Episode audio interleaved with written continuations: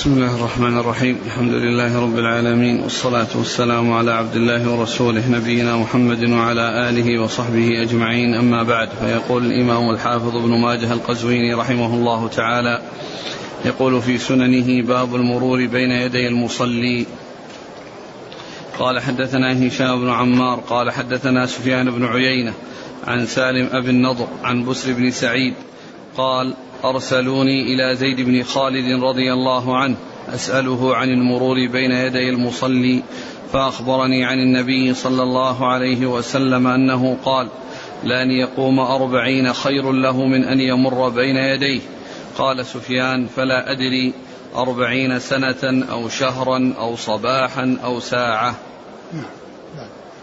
قال حدثنا علي بن محمد قال حدثنا وكيع قال حدثنا سفيان عن سالم أبي النضر عن بسر بن سعيد أن زيد بن خالد رضي الله عنه أرسل إلى أبي جهيم الأنصاري رضي الله عنه يسأله ما سمعت من رسول الله صلى الله عليه وسلم في الرجل يمر بين يدي الرجل وهو يصلي فقال سمعت النبي صلى الله عليه وسلم يقول لو يعلم أحدكم ما له أن يمر بين يدي أخيه وهو يصلي كان لأن يقف أربعين. قال لا أدري. أربعين عاما أو أربعين شهرا أو أربعين يوما. خير له من ذلك. بسم الله الرحمن الرحيم. الحمد لله رب العالمين وصلى الله وسلم وبارك على عبده ورسوله نبينا محمد وعلى آله وأصحابه أجمعين. أما بعد فيقول الإمام ابن ماجه رحمه الله باب في المرور بين يدي المصلي. أي أنه لا يجوز المرور بين يدي المصلي وأن في المرور بين يديه يعني إثم وفيه وعيد شديد جاء في بعض الأحاديث ومن هذا الحديث الذي أورده الإمام ماجه عن زيد بن خالد وعن أبي جهيم رضي الله تعالى عنهما والحديث الأول يقول زيد بن خالد لو يعلم لو يعلم لو يعلم المار الأول؟ لأن يقوم أربعين خير له أول الحديث. ها؟ أول الحديث. أسأله عن المرور بين يدي المصلي. نعم فأخبرني عن النبي صلى الله عليه وسلم قال لأن يقوم أربعين خير له من أن يمر بين يديه. واللفظ الثاني؟ الثاني لو يعلم أحدكم ما له أن يمر بين يدي أخيه وهو يصلي كان لأن يقف أربعين قال لا أدري أربعين عاما أو أربعين شهرا أو أربعين يوما خير له من ذلك. معلوم أن الإنسان إذا جاء وأما يعني من عند أحد يصلي فهو بين أمرين إما أن يمر وإما أن يقف. وإن مر وقع في الإثم وإن وقف فالوقوف يعني يسير وبعد ذلك ينتهي المصلي من صلاته. وقد جاء في هذه الأحاديث أن كون الإنسان يقف يعني شيئا قليلا حتى ينتهي المصلي من صلاته ولا يمر بين يديه خير له من أن يقف أربعين. يعني معناه أنه بتجاوزه يعني آه، يحصل الإثم ويكون وقوفه اليسير هذا الذي آه، بدون المرور يسلم من الإثم. ولكنه لو مر لكان ذلك الوقوف الذي يسلم به من المرور لو كان لو وقف أربعين خير له. هذا فيه تنبيه إلى أن الإنسان يقف ولا يمر بين يدي المصلي وينتظر نعم إذا وجد آه، مجال يعني ينتقل من صف إلى صف إذا كان الذي يصلي في صف وأراد أنه ينتقل إلى صف ثاني ليس في حال المصلي يفعل. لكن إذا كان الأمر يتعلق بمروره يتعلق بمروره يعني بين يديه وليس هناك مجال فإن وقوفه آه، مدة طويلة تبلغ أربعين يعني الراوي يقول لا أدري أربعين سنة أو أربعين شهرا أو أربعين يوما. حتى لو كانت يعني أربعين دقيقة أو أقل من ذلك يعني هذا صعب على الإنسان كونه يقف هذه المدة الطويلة.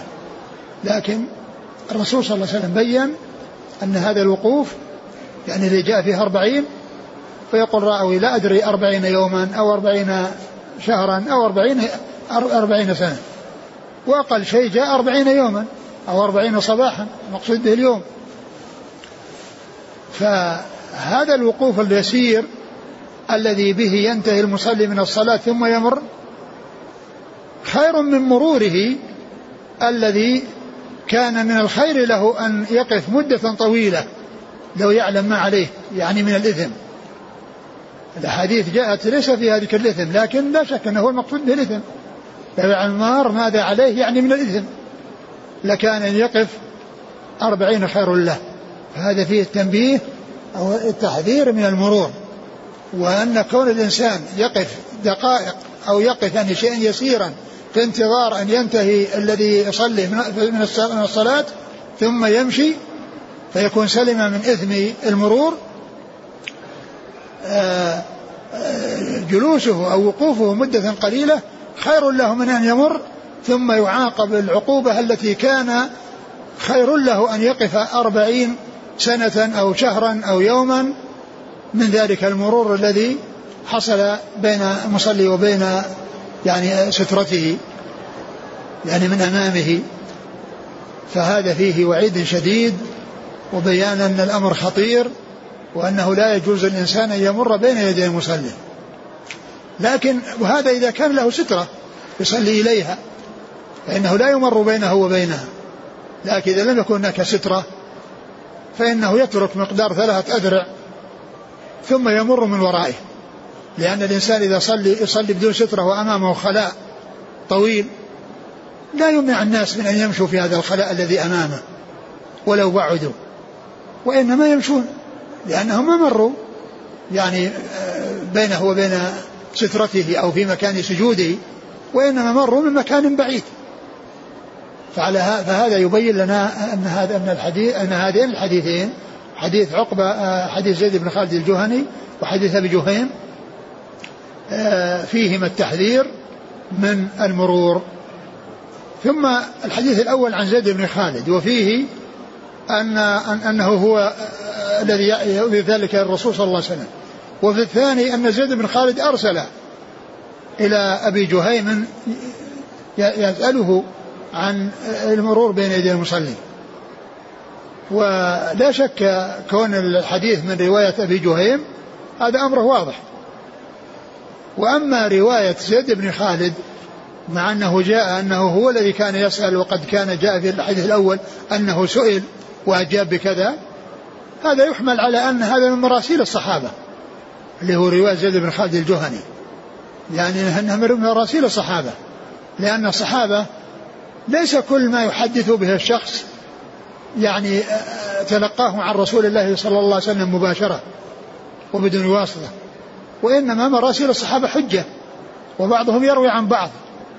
فكون زيد بن خالد جاء عنه أنه يضيف ذلك إلى الرسول صلى الله عليه وسلم وجاء في الحديث الآخر أنه سأل أرسل إلى أبي جهيم يسأله عن ما يعلم عن رسول الله عليه الصلاة والسلام في المرور فأجابه. يعني هذا يعتبر من قبيل مراسيل الصحابة ومراسيل الصحابة حجة لأنهم يأخذون عن الصحابة. ولهذا بعض الصحابة الذين تأخر إسلامهم يعني رووا الكثير عن رسول الله صلى الله عليه وسلم. وبعضه كان ما حضروه قبل أن قبل أن يسلموا. ويمكن أن يكون ذلك حاصلا من الرسول صلى الله عليه وسلم. يعني آه، إخبار به مرة ثانية أو أنه أخذه من الصحابة. وعلى كل مراسيل الصحابة حجة لا إشكال فيها. والحديث يعني صحيح عن زيد بن خالد وصحيح عن أبي جهيم. نعم. قال حدثنا هشام بن عمار. صدوق أخرجه البخاري وأصحاب السنة. عن سفيان بن عيينة. ثقة أخرج أصحاب الكتب. عن سالم أبي النضر. وهو؟ ثقة أخرج أصحاب الكتب. نعم. عن بصر بن سعيد. وهو ثقة أخرج أصحاب الكتب. عن زيد بن خالد. زيد بن خالد الجهني رضي الله عنه أخرج أصحاب الكتب. قال حدثنا علي بن محمد. الطنافسي ثقة أخرج له النسائي في مسند علي وابن ماجه. عن وكيع. وكيع بن الجراح ثقة أخرج أصحاب الكتب. عن سفيان. سفيان هو الثوري وهو ثقة رجل أصحاب الكتب. عن سالم أبي النضر عن بسر بن سعيد عن أبي جهيم الأنصاري. آه، أبو جهيم هو أخرج له. أصحاب الكتب. قال حدثنا أبو بكر بن أبي شيبة قال حدثنا وكيع عن عبيد الله بن عبد الرحمن بن موهب عن عمه عن أبي هريرة رضي الله عنه أنه قال قال النبي صلى الله عليه وسلم لو يعلم أحدكم ما له في أن يمر بين يدي أخيه معترضا في الصلاة كان لأن يقيم مئة عام خير له من الخطوة التي خطاها. ثم ذكر حديث أبي هريرة وفيه أن الوقوف يعني يعني خير له من أن يقف مئة عام. أن يقف مئة عام. هنا حدد مئة ومئة عام وأنها أعوام. والحديث الأول أربعين وليس في ذكر التحديد. لا يعني أعوام ولا شهر ولا صباح.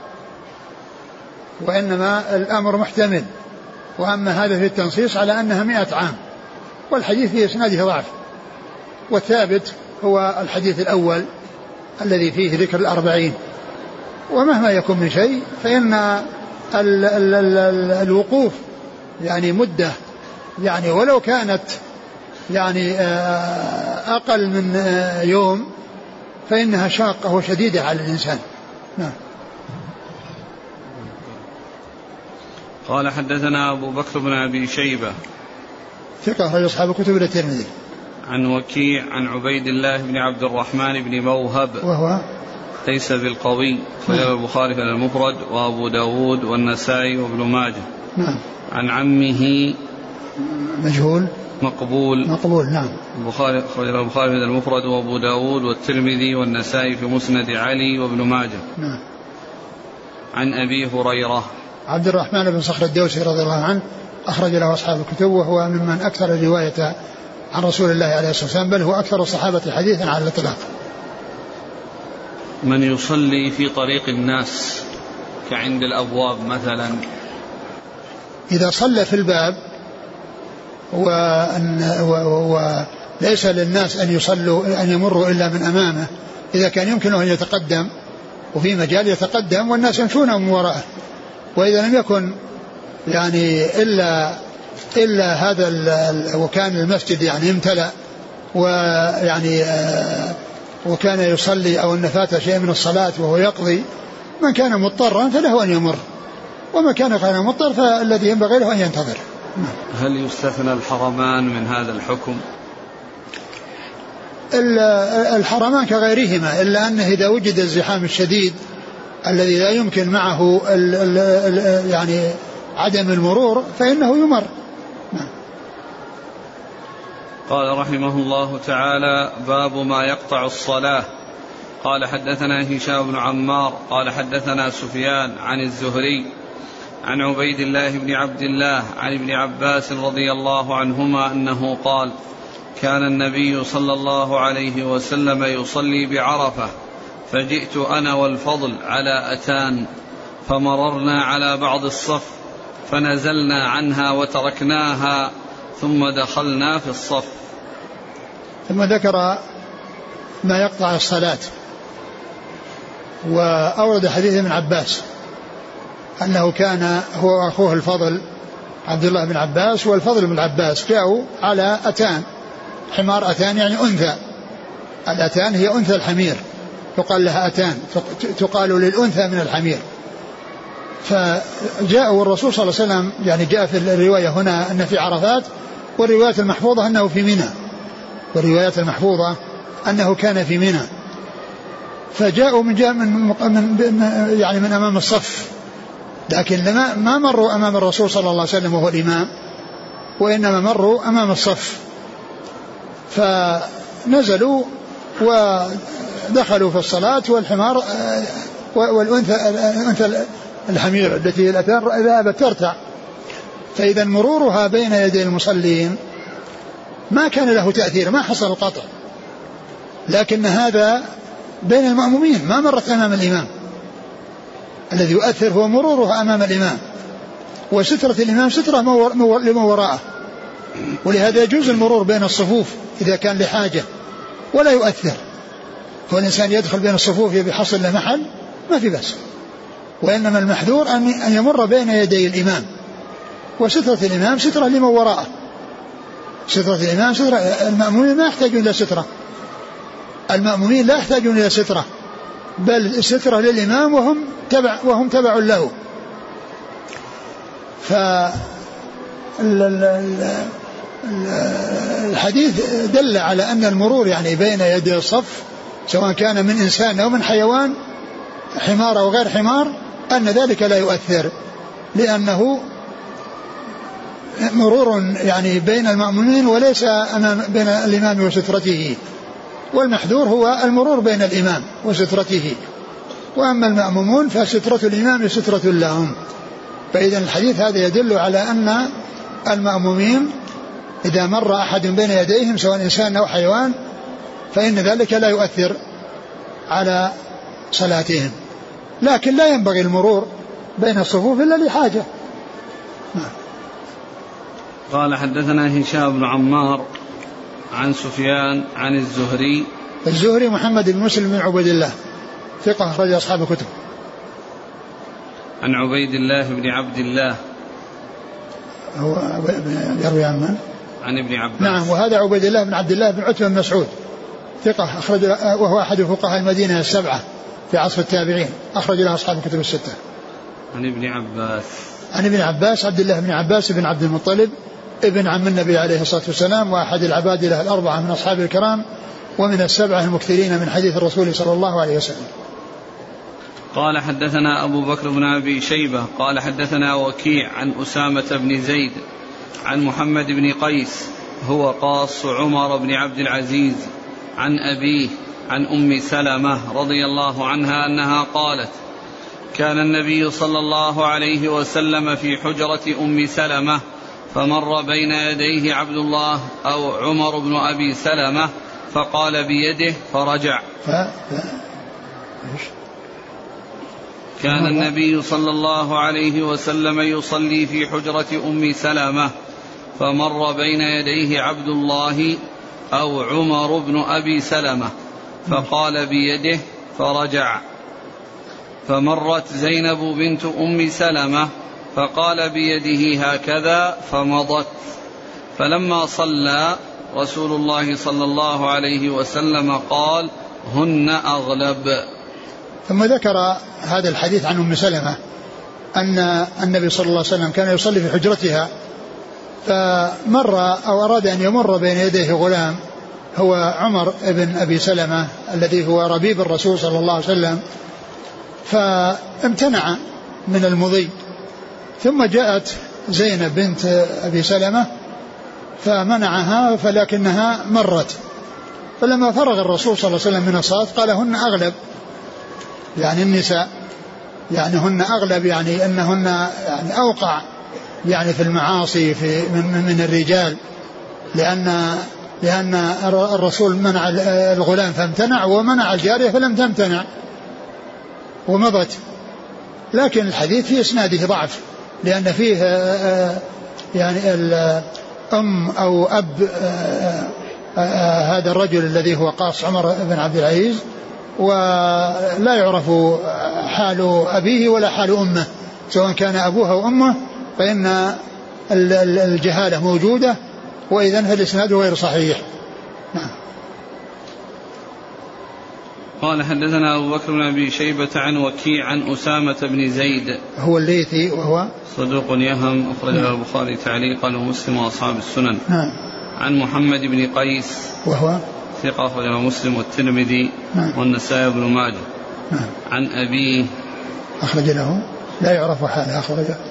قيس المدني مجهول. رمز له بسين. ويقول البصيري وقع في بعض النسخ عن أمه بدل عن أبيه إيه، وهذا واعتمد المزي ذلك نعم.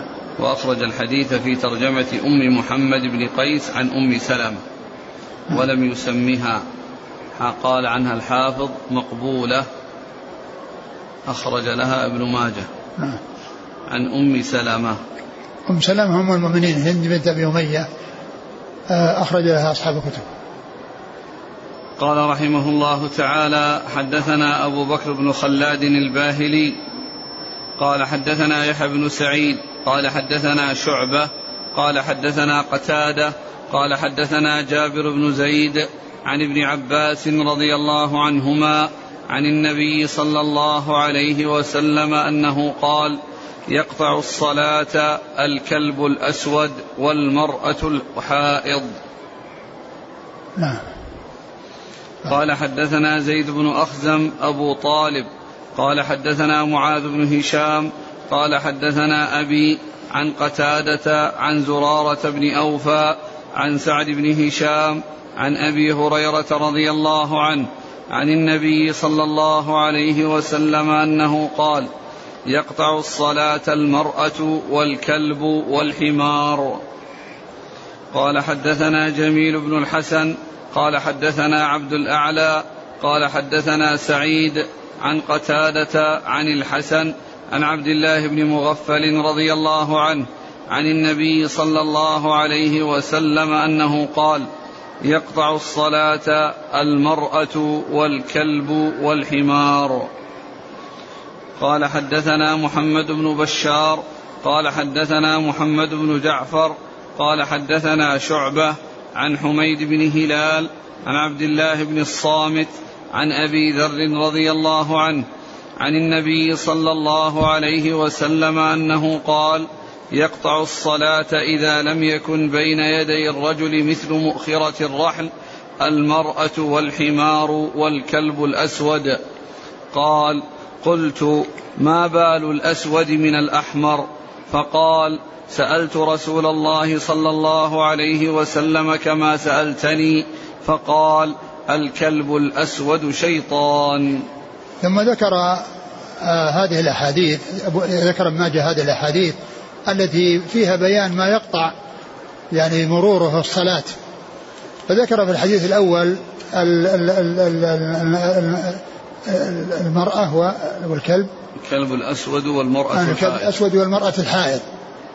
يعني الكلب الذي هذا صفته وهو أنه أسود والمرأة الحائض الذي بلغت سن المحيض المكلفة. وليس المقصود به المرأة التي هي في الحيض متلبسة وإنما المرأة التي بلغت سن المحيض يعني معناه أن الصغيرة يعني مرورها لا يؤثر. يعني مثل الأطفال يعني مرورهم لا يؤثر وإنما المقصود من ذلك المرأة التي بلغت سن المحيض. وثم ذكر في الأحاديث التي بعدها إضافة إلى المرأة والكلب الحمار. وقد ذهب يعني بعض أهل العلم إلى أن القطع المقصود به البطلان وأنها وأن لأنها إذا بطلت إن, إن إذا دخل في الصلاة إذا دخل في الصلاة ومرت بين يديه فإنه يستأنف. من جديد لأنها بطلت بالمرور. وذهب جمهور أهل العلم إلى أن إلى أنها لا تبطل ولكنه يحصل آه، نقص فيها من جهة شغل آه، بال المصلي بهذا المرور أو بهذا الذي مر. فيكون أثر ذلك نقصا في الصلاة أثر ذلك نقصا في الصلاة. لكن الحديث الأخير الذي ذكر فيه أنه إذا لم يكن بين يديه مثل مؤخرة الرحل يعني هذا يدل على يدل على أن أن يؤيد القطع والذي هو بطلان. لأن التفسير أو التعليل بالتشويش عليه هذا يعني يحصل لمن كان دون السترة ومن كان يعني بعدها بعدها بقليل. لأن النظر كونه ينظر وينشغل باله يعني يحصل في هذا لكن كونه قال إنها يعني تنصيصه على ان انه إذا لم يكن له سترة أو إذا كان له سترة وأن هذا المرور بينه وبين سترته يعني معناه ان أن الأمر ليس مقصورا على أنه مقصور على يعني هذه ال ال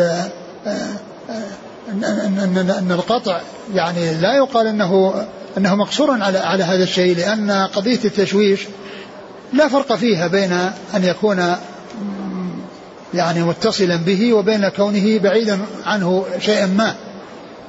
فجمهور أهل العلم على القول بعدم بعدم البطلان وإنما هو نقص لما يحصل من التشويش.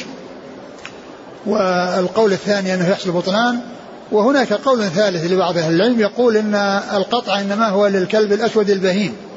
وأما الحمار والمرأة فلا يكونان كذلك ويستدل على ذلك بحديث ابن عباس وكونه جاء مرة يعني بين يدي الصف الحمار وبالنسبة للمرأة كون عائشة كان يصلي عليه الصلاة وهي معترضة في قبلته فإذا سجد غمزها فكفت رجلها فقالوا هذا ورد فيه يعني شيء يدل على عدم القطع لكن آه الاعتراض يعني كما هو معلوم غير المرور. يعني الاعتراض جاء ما يدل عليه وأنه لا يحصل به تأثير لا يحصل تأثير ويعني يكون ذلك من الأهل. وأما بالنسبة للمرور فإنه يختلف عن عن ذلك. فالذين قالوا بالقطع في الأمور الثلاثة لم يفرقوا بين آه الثلاثة بل جعلوا الحكم فيها واحد لأن النص جاء في القطع فيها. وما جاء في اعتراض المرأة اعتراض أم المؤمنين في قبلة الرسول صلى الله عليه وسلم قالوا هذا اعتراض وليس بالمرور وحكمه يختلف. وأما وكذلك بالنسبة للحمار هذا إنما كان بين يدي الصف وليس بين الإمام وبين سترته أو من أمامه. ف يعني هذا هو الذي قاله أهل العلم في هذه المسألة. نعم. قال حدثنا أبو بكر بن خلاد الباهلي. ثقة رجله مسلم وأبو داود والنسائي بن ماجه. نعم. عن يحيى بن سعيد. هو القطان ثقة أخرج أصحاب الكتب. عن شعبة. شعبة بن الحجاج ثقة أخرج أصحاب الكتب. عن قتادة. قتادة بن دعامة السدوسي البصري ثقة أخرج أصحاب الكتب. عن جابر بن زيد. وهو ثقة أخرج أصحاب الكتب. عن ابن عباس. نعم. قال حدثنا زيد بن أخزم. هو؟ ثقة أخرج البخاري وأصحاب السنن. عن معاذ بن هشام. صدوق. ربما وهم أخرج له أصحاب الكتب نعم. عن أبيه هشام الدستوائي ثقة أخرج أصحاب الكتب. عن قتادة عن زرارة بن أوفى. زرارة بن أوفى ثقة أخرج له أصحاب الكتب. وقد ذكروا في ترجمته أنه كان يصلي بالناس الفجر وكان يقرأ بهم في سورة المدثر فلما جاء عند قول الله عز وجل فإذا نقر في الناقور يعني آه يعني حصل له تأثر وسقط ومات. نعم. عن سعد بن هشام. آه ثقة أخرج له أصحاب الكتب. نعم. عن أبي هريرة. نعم. قال حدثنا جميل بن الحسن. صدوق أخرج له ابن ماجه. نعم. عن عبد الأعلى. ابن عبد الأعلى ثقة أخرج أصحاب الكتب. عن سعيد عن قتادة. سعيد بن أبي سعيد المق... سعيد بن أبي عروبة ثقة أخرج أصحاب الكتب. إذا جاء سعيد غير منسوب وهو يروي عن قتادة فالمراد به ابن أبي عروبة. نعم. عن الحسن. الحسن بن أبي الحسن ثقة أخرج أصحاب الكتب. عن عبد الله بن مغفل. عبد الله بن مغفل رضي الله عنه أخرج أصحاب الكتب. قال حدثنا محمد بن بشار. هو الملقب بن دار ثقة أخرج أصحاب الكتب. عن محمد بن جعفر. هو الملقب غندر ثقة أخرج أصحاب الكتب. عن شعبة عن حميد بن هلال. هو؟ ثقة أخرج أصحاب الكتب. عن عبد الله بن الصامت. وهو ثقة أخرج البخاري تعليقا ومسلم وأصحاب السنن. نعم. عن أبي ذر. أبو ذر جندب بن جنادة رضي الله عنه أخرج له أصحاب الكتب. قوله الكلب الأسود شيطان. قالوا إن قول الكلب الأسود شيطان أي أنه تتشكل يعني الشياطين به أو أنه يأتي يعني الشيطان على صورته. وقيل إنه لأنه يعني فيه إيذاء. يعني فيه إيذاء. نعم. يقول ماذا عن المرأة إذا مرت أمامها امرأة؟ هل تقطع صلاتها؟ الأحاديث كما هو معلوم يعني جاءت يعني هو المصلي الحديث جاءت لفظ المصلي. يقطع الصلاة. نعم. يعني يظهر والله أعلم أنها مثل الرجل لأن لأن لأنها مرور يعني بين يدي المصلي فيعني يبدو والله أعلم أنها تقطع. لأن كلمة المصلي تشمل كل مصلي. مثل ما لو مر أمامها الحمار والكلب. من مر بين يدي من لا سترة له. هل يصح أن يقال أن الإثم على المصلي لعدم اتخاذه سترة تنبه المار؟ لا ما يقال. وإنما الإنسان لا يأتي بينه يعني قريب منه بحيث يعني يكون كأنه ملاصق أو قريب من الملاصق. وإنما يعني يترك مسافة أقلها ثلاثة أذرع ويمشي وراءها. قال رحمه الله تعالى باب إدرأ ما استطعت قال حدثنا أحمد بن عبدة قال أخبرنا حماد بن زيد قال حدثنا يحيى أبو المعلى عن الحسن العرني قال ذكر عند ابن عباس رضي الله عنهما ما يقطع الصلاة فذكروا الكلب والحمار والمرأة فقال ما تقولون في الجدي؟ إن رسول الله صلى الله عليه وسلم كان يصلي يوما فذهب جدي يمر بين يديه فبادره رسول الله صلى الله عليه وسلم القبلة. ثم ذكر ما يعني ما يدرأ باب ادرأ ما استطعت. باب ادرأ ما استطعت. يعني ادرأ يعني المرور. وذلك بمنع الذي يمر أي مار سواء كان إنسانا أو حيوانا. من المرور ما استطعت. يعني أن الإنسان يعمل على الحيلولة بينه وبين المرور حتى لا يحصل الإثم يعني لهذا المار. وحتى لا يحصل أيضا قطع الصلاة فيما يحصل في, في مرور من يحصل منه قطع الصلاة. وذكر الجدي هذا الحديث الجدي وهو يعني آآ آآ ما كان من المعز سواء كان ذكرا أو أنثى يعني صغير. فيعني جاء جدي وهو يعني آآ الذي من العنز فيريد أن يمر فالرسول تقدم حتى يعني حتى يمر من ورائه يعني لا يمر أمامه. وهذا فيه درء المرور. وهذا يدل على أن التقدم يعني إلى إلى إلى, إلى السترة يعني عندما يكون هناك يعني شيء يعني لا يمكن تلافيه إلا بالتقدم فإنه يتقدم. لأن النبي صلى الله عليه وسلم تقدم. يعني عن مكانه الذي كان فيه حتى مر من ورائه. فدل على هذا على أن كل شيء يمنع. يعني الصغير والكبير الإنسان حيوان كل ذلك يمنع. ولكن القطع يكون فيما جاء فيه القطع. وأما غيره فيكون بخلاف ذلك. و يعني وهذا من الدرء. يعني يكون تقدم حتى لا يمر بين يديه هذا من أمثلة الدرء والدرء يكون أيضا بالمنع وبالرد يكون يمد يده نعم قال حدثنا أحمد بن عبدة هو ثقة أخرج له مسلم وأصحاب السنن. عن حماد بن زيد ثقة أخرج أصحاب الكتب. عن يحيى أبي المعلى هو ثقة أخرج البخاري تعليقا والنسائي بن ماجه. نعم. عن الحسن العرني وهو ثقة أخرج أصحاب الكتب إلا الترمذي. نعم. عن ابن عباس. نعم والحسن العرني قيل أنه يعني لم يسمع من ابن عباس من ابن عباس لكنه جاء من طريق أخرى جاء من عن ابن عباس من طريق أخرى فيكون يعني بها ثابتا نعم. قال حدثنا أبو كريب قال حدثنا أبو خالد الأحمر عن ابن عجلان عن زيد بن أسلم عن عبد الرحمن بن أبي سعيد عن أبيه رضي الله عنه أنه قال قال رسول الله صلى الله عليه وسلم إذا صلى أحدكم فليصلي إلى سترة وليدن منها ولا يدع أحدا يمر بين يديه فإن جاء أحد يمر فليقاتله فإنه شيطان. ثم ذكر يعني آه هذا الحديث عن أبي سعيد الخدري رضي الله عنه قال إذا صلى أحدكم فليصلي إلى سترة.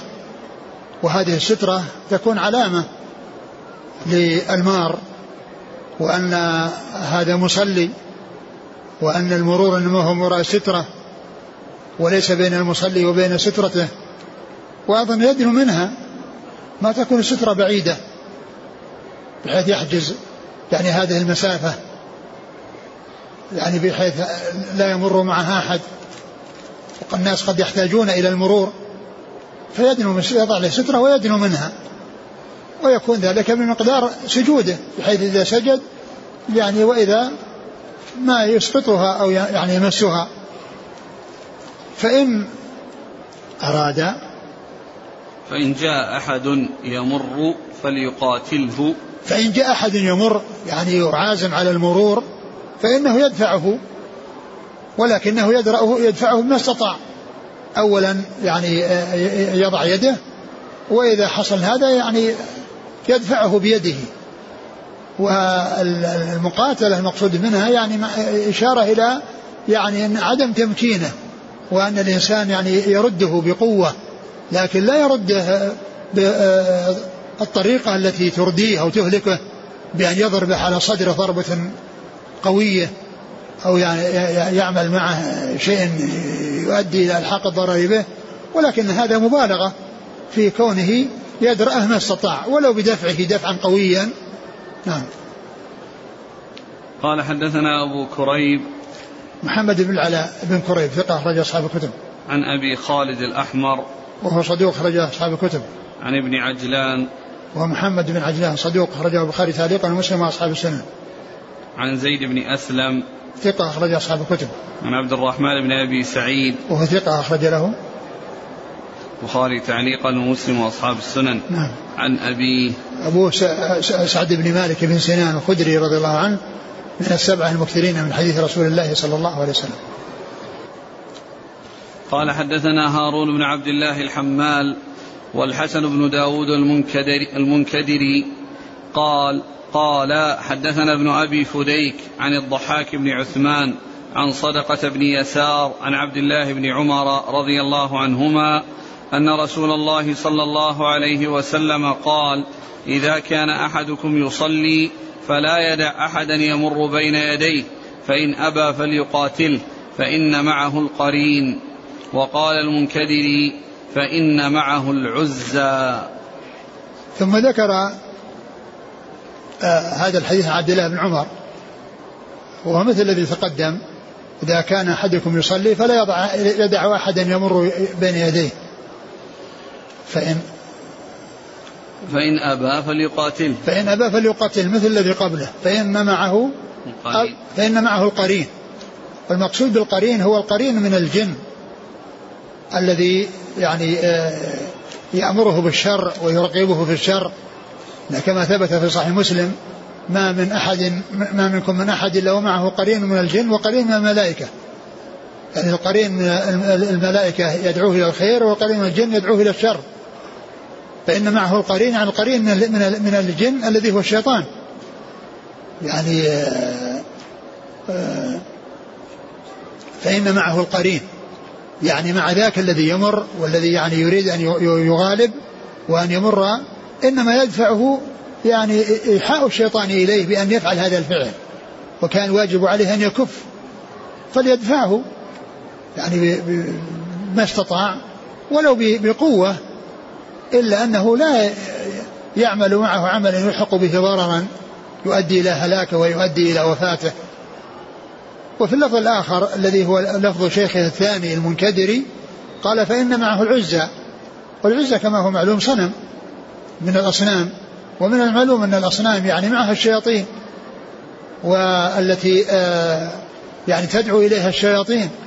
لكن هذه الرواية التي يعني جاءت آه، من أحد الرواة الذي هو المنكدري يعني مخالفة للروايات الأخرى التي فيها ذكر الشيطان وذكر القرين فتكون بذلك غير محفوظة. نعم. قال حدثنا هارون بن عبد الله الحمال. هو ثقة أخرج له؟ مسلم وأصحاب السنن. نعم. والحسن بن داود. هو؟ لا بأس به وله النسائي بن ماجه. نعم. عن ابن أبي فديك. وهو محمد بن إسماعيل بن مسلم. إسماعيل وهو ثقة أخرج له أصحاب الكتب. صدوق. صدوق أخرج أصحاب الكتب. عن الضحاك بن عثمان. هو؟ صدوق يهم أخرج له مسلم وأصحاب السنن. نعم. عن صدقة بن يسار. وهو؟ ثقة أخرجه مسلم وأبو داود والنسائي بن ماجه. نعم. عن عبد الله بن عمر. نعم. يقول إذا لم أمنع المار بين يدي بين يدي فهل آثم على ذلك؟ نعم. يأثم لأنه يعني لم يمتثل الأمر الذي أمر به هو الأمر المؤكد والذي فيه أنه يعني فليقاتله.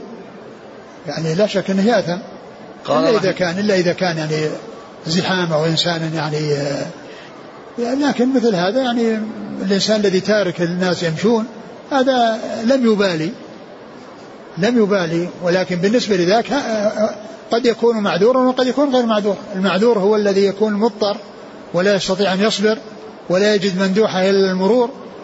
وأما الذي يستطيع أن يصبر فإنه يصبر ويسلم من الإثم الذي جاء في الأحاديث السابقة وأن وقوفه وقوفه أربعين خير من أن يمر بين يدي المصلي. نعم. قال رحمه الله تعالى باب من صلى وبينه وبين القبلة شيء. قال حدثنا أبو بكر بن أبي شيبة قال حدثنا سفيان عن الزهري عن عروة عن عائشة رضي الله عنها أن النبي صلى الله عليه وسلم كان يصلي من الليل وأنا معترضة بينه وبين القبلة كاعتراض الجنازة. ثم ذكر باب من صلى وبينه وبين القبلة شيء. وبينه وبين القبلة شيء يعني ليس سترة وإنما هو شيء ليس سترة. يعني الرسول صلى الله عليه وسلم ما اتخذ سترة يعني عائشة أن كونها معترضة أنها وإنما كان ال ال كان ال كما جاء في بعض والبيوت يومئذ ليس فيها مصابيح وكان ظلام. وكانت تمد رجلها فإذا سجد غمزها فكفت رجلها. فهي بينه وبين القبلة. وهذا يعني جاء في هذا الحديث عن عائشة ودال وهذا دل على أن ذلك لا يؤثر في الصلاة. على أن ذلك لا يؤثر في الصلاة. لأن الرسول صلى الله عليه وسلم صلى وعائشة معترضة في قبلته كاعتراض الجنازة. يعني مثل الجنازة التي تقدم يصلى عليها فإن تكون أمام المصلي. الجنازة التي يصلى عليها تكون أمام المصلي. وهذه معترضة كما أن الجنازة معترضة تعرض أمام المصلي ليصلي عليها. فدل ذلك على أن مثل ذلك أنه آه، لا يؤثر وأن هذا ليس من قبيل المرور الذي جاء النهي عنه لأن المرور شيء والاعتراض شيء. أو يعني آه، كون الإنسان يمد يده يعني آه، يعني يعني بين يدي المصلي يمد يده هذا ما قال له مرور نعم. قال حدثنا أبو بكر بن أبي شيبة عن سفيان عن الزهري عن عروة عن عائشة. نعم. قال حدثنا بكر بن خلف وسويد بن سعيد. قال حدثنا يزيد بن زريع. قال حدثنا خالد الحذاء عن أبي قلابة عن زينب بنت أبي سلمة عن أمها رضي الله عنهما قالت كان فراشها بحيال مسجد رسول الله صلى الله عليه وسلم. ثم ذكر حديث سلمة أن النبي صلى أن أنها كان النبي كان يصلي يعني في حجرتها وفراشها في مسجده. قيل قيل بفتح الجيم يعني أمام مسجده أمام مكان سجوده. وقيل مسجده ولكن المقصود به هو ليس المسجد المعروف الذي هو المساجد التي بنيت للصلاة وإنما المقصود من ذلك المكان الذي يصلي فيه. يعني ولهذا جاء في بعض الروايات مسجد يعني مكان السجود يعني في داخل حجرتها. فهذا فيه أنه صلى وبينه وبين القبلة شيء بينه وبين القبلة شيء. ذاك فيه اعتراض امرأة وهذا فيه ذكر الفراش. نعم. قال حدثنا بكر بن خلف. هو؟ صدوق البخاري تعليقا وأبو داود بن ماجه. نعم. وسويد بن سعيد. هو؟ صدوق رواه مسلم بن ماجه. نعم. عن يزيد بن زريع. ثقة رجل أصحاب الكتب. عن خالد الحذاء. آه أظن في نسخة آه الشيخ ناصر فيها زيادة آه يزيد بن سعيد قبل يزيد بن زريع. أليس كذلك؟ هذا زائد هذا هذا الاسم جاء زائدا لا على ليس في الإسناد. يعني وجوده جاء خطأ فيشطب عليه. نعم. عن خالد الحذاء. خالد بن مهران الحذاء ثقة رجل أصحاب الكتب. عن أبي قلابة. أبو قلابة عبد الله بن زيد الجرمي ثقة رجل أصحاب الكتب. عن زينب بنت أبي سلمة. رضي الله عنها أخرج لها أصحاب الكتب. عن أمها. نعم. على هذا يجوز أن تجعل المرأة سترة. لا ما تجعل سترة. الرسول ما اتخذها سترة. هو كان يصلي وهي مادة رجلها في قبلته وكان ظلام ما في مصابيح فإذا سجد يعني وجدها أمام رأسه فغمزها فكفت رجلها. ما تتخذ المرأة سترة ولا يتخذ الرجل سترة. يعني يكون وإنما يمكن إذا كان الصفوف يعني طبعا بعضها سترة لبعض. يعني سترة لبعض كل صف يكون الذي أمامه سترة له نعم. ما يجعل الرجل سترة؟ نعم يعني يعني إنسان جالس يلقيك ظهره سواء في صف أو في غير صف يمكن يصلي وراه يمكن يجعل سترة. لكن الآن هنا ما في امرأة يعني هذه مادة رجلها يعني ما دل على أن الرسول اتخذها سترة لأن لو كان اتخذها سترة ما كان يغمزها وإنما هي في قبلته. إعطاء الكل حكم الجزء. ها؟ إعطاء الحكم إعطاء الكل حكم الجزء. لا بس الآن كونه يقول أن أن هذا دليل على اتخاذ المرأة سترة أصلا مو سترة لأنها بينه وبين القبلة وكانت في مصلاه مكان سجوده وكان يغمزها إذا سجد والحجرة ظلمة ظلام فيها فتكفها. إذا ما ما قال أنها اتخذها سترة. لا يقال أنها اتخذها سترة. الثاني دليل أنه في الخارج. بحيال مسجده لا لا لا هذاك هذاك الفراش. إيه معناته كانت ما كانت تكون عليه؟ نعم. ألا تكون عليه؟ ما أدري قد تكون عليه وقد لا تكون عليه. لكنه ما يقال لأنه الآن ما قال إن اتخاذ سترة. هو الآن يقول بينه وبين القبلة شيء. بينه وبين القبلة شيء. يعني ما هو معنى ما سيق لاتخاذ السترة. وإنما سيق لوجود شيء بينه وبين يعني بينه وبين القبلة.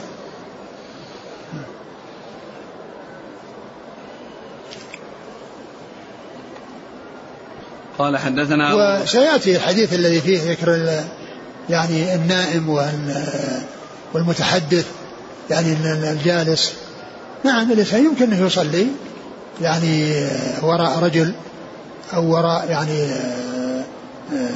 صف يعني صفوف بعضها سترة لبعض ما في بأس. نعم. قال حدثنا أبو بكر بن أبي شيبة قال حدثنا عباد بن العوام. هو؟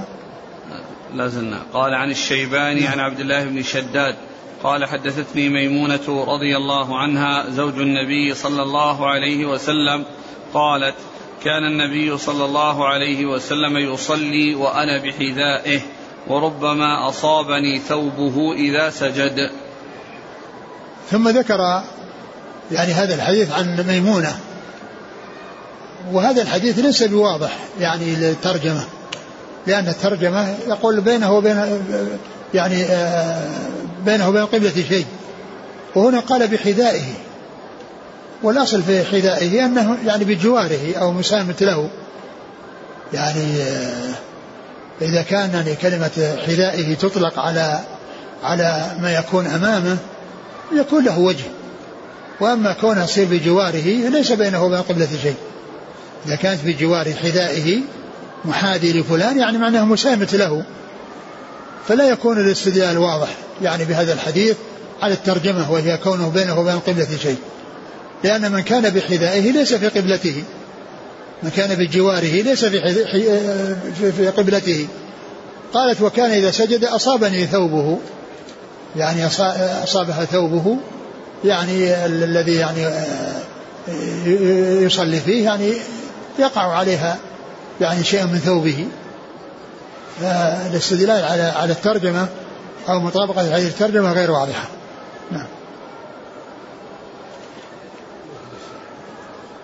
قال حدثنا أبو بكر بن أبي شيبة عن عباد بن العوام. هو؟ ثقة أخرج أصحاب الكتب. نعم. عن الشيباني. هو؟ سليمان بن أبي سليمان ثقة أخرج أصحاب الكتب. عن عبد الله بن شداد. هو؟ ولد على عهد النبي صلى الله عليه وسلم أخرج أصحاب الكتب. نعم. عن ميمونة. أم المؤمنين رضي الله عنها أخرجها أصحاب الكتب. قال حدثنا محمد بن إسماعيل قال حدثنا زيد بن الحباب قال حدثني أبو المقدام عن محمد بن كعب عن ابن عباس رضي الله عنهما أنه قال نهى رسول الله صلى الله عليه وسلم أن يصلى خلف المتحدث خلف المتحدث والنائم. ثم ذكر يعني هذا الحديث عن النبي صلى الله عليه وسلم أنه نهى أن يصلى خلف المتحدث والنائم. لأن المتحدث يشغل بحديثه ويشوش على المصلي في صلاته لوجود الحديث الذي يكون منه مع غيره ناس متحدثين. وكذلك النائم يعني قد يحصل منه أشياء يعني في نومه لا يعقلها وهو غير غير من غير شعور. قد يحصل من أشياء تجعل الإنسان يضحك في صلاته.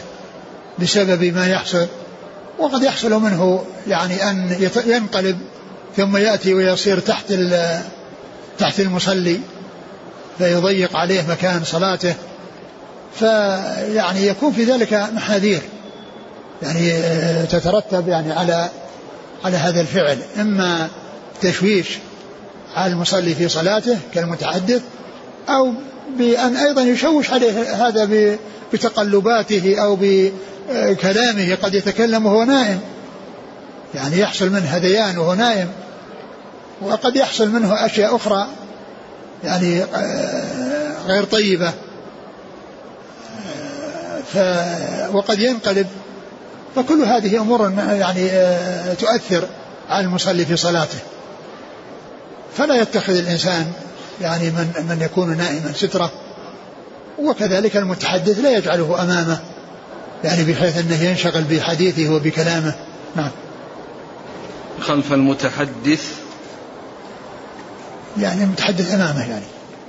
المتحدث اللي يتكلم. يعني ملقيه وجهه ولا إيه؟ ملقيه ظهره ويتحدث؟ يعني لا إذا كان آه، آه، بالنسبة للصوت بالنسبة للصوت يستوي في ذلك كونه أمامه وكونه لكن إذا صار أمامه يصير الأمر أشد. يعني قد يعني يزعج في كلامه وقد يزعج في مشاهدته أيضا وحركاته إذا كان عنده حركات مع كونه يتحدث يحرك يعني يديه فينشغل به المصلي. قال حدثنا محمد بن إسماعيل. لكن لو وجد أن تصح الصلاة يعني كما هو معلوم. لو وجد تصح الصلاة. نعم.